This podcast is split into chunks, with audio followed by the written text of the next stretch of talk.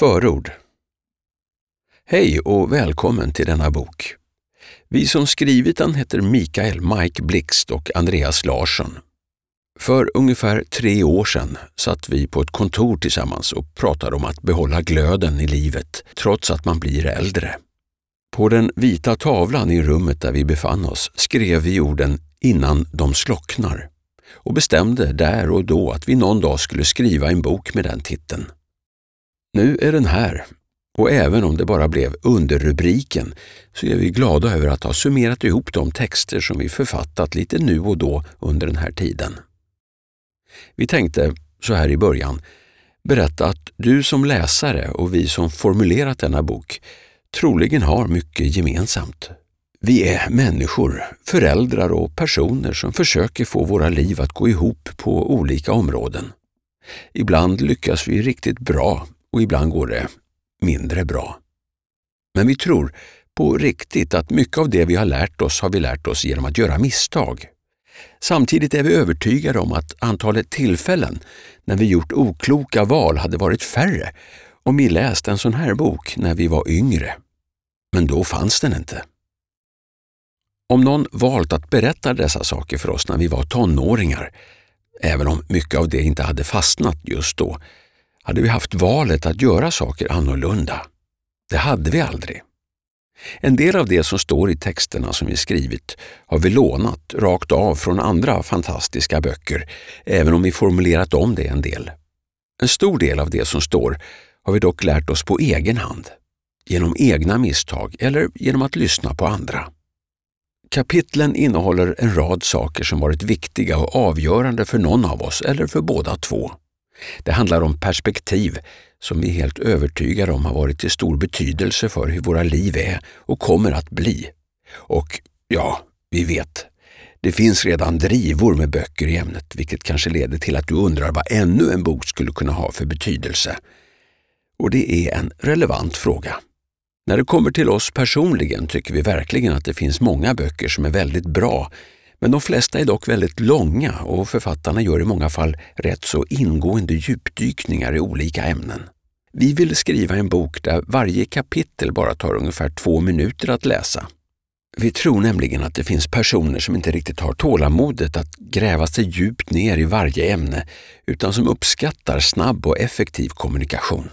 Vi tror helt enkelt att det finns ett behov av kortare skrifter Inställningen blev att om kapitlet inte rymdes på en A4-sida var det för långt. Sen höll inte det hela vägen och när vi taggar igång på ett ämne så har det blivit längre kapitel, men vi tycker ändå att de har en längd som håller sig på rimliga nivåer. I och med att kapitlen är så korta innebär det att vi inte alls gräver djupt i de ämnen vi skriver om. Vi avhandlar dem kort och enkelt och ibland så slutar något kapitel någon helt annanstans än det var tänkt från början. Men vad gör det? Sen kan det till och med hända att ämnena i olika kapitel påminner om varandra. Men vad spelar det för roll? Att ämnen hanteras ganska ytligt kan leda till att du som läsare inte alls kan, vill eller har förmågan att ta till dig vissa av kapitlen. Eller så befinner du dig i ett läge där du är fullt mottaglig för dem. Människor befinner sig i olika faser i livet. Det är naturligtvis helt okej. Okay. Man kan läsa något den ena dagen och inte alls ta till sig det, för att månader senare läsa samma sak och höra när den berömda poletten trillar ner. Vi tänkte också att man inte ska behöva läsa fler kapitel för att komma in i boken och kunna ta till sig innehållet.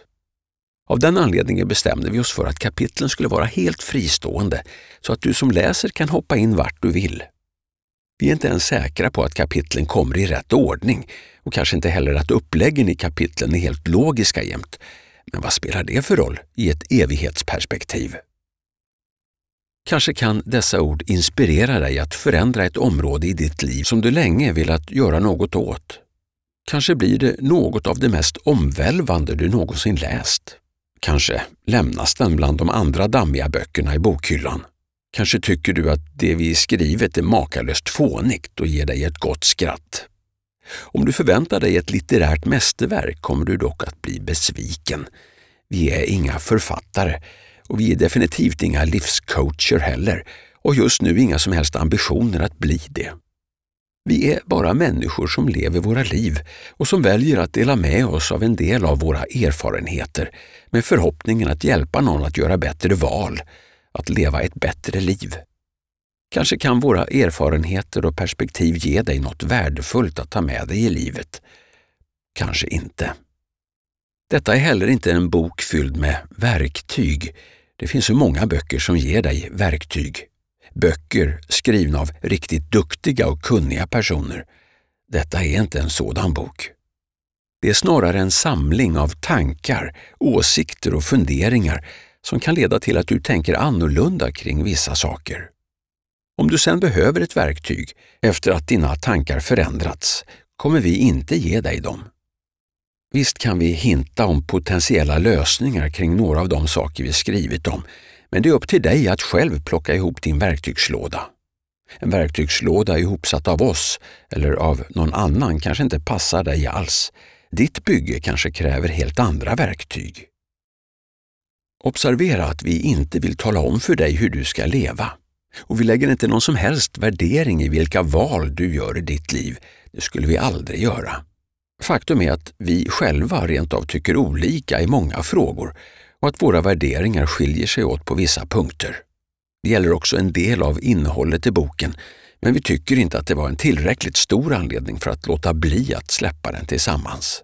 Vi väljer nämligen att se på olikheterna som styrkor och vi slipas ständigt mot varandra genom att samtala och diskutera om det som vi tycker olika om. Ibland byter vi ståndpunkt och kommer överens. Och ibland kommer vi överens om att vi inte är överens, som riktiga svennebananer. Så måste det också få vara. Folk gör som folk vill och det är upp till var och en att ta sina egna beslut. Och för att det inte ska bli några tveksamheter om det så här i början så vill vi understryka att det vi delar med oss av här är våra synpunkter, åsikter och erfarenheter. Men bara för att vi skriver en sak så behöver inte det betyda att vi båda två skulle ha valt att göra exakt samma sak i en nämnd situation. Och det betyder inte heller att du måste välja samma väg, metod eller sätt att hantera livets situationer. Du gör dina val och om vi kan vara med och påverka dem åt det ena eller andra hållet så kan det vara bra eller rent av jättedåligt. Det är omöjligt för oss att veta. Vi kan bara veta hur våra val påverkar våra liv. Innan du börjar läsa den här boken kanske du vill ha en penna till hands för att kunna skriva ner de tankar som dyker upp när du läser. Eller så kanske du för anteckningar i en mobil eller surfplatta, eller inte alls. Oavsett vilket så är det helt okej. Okay. Har du några frågor och funderingar så är det bara att höra av dig. Kontaktuppgifter finns längst bak efter texter och bokrekommendationer.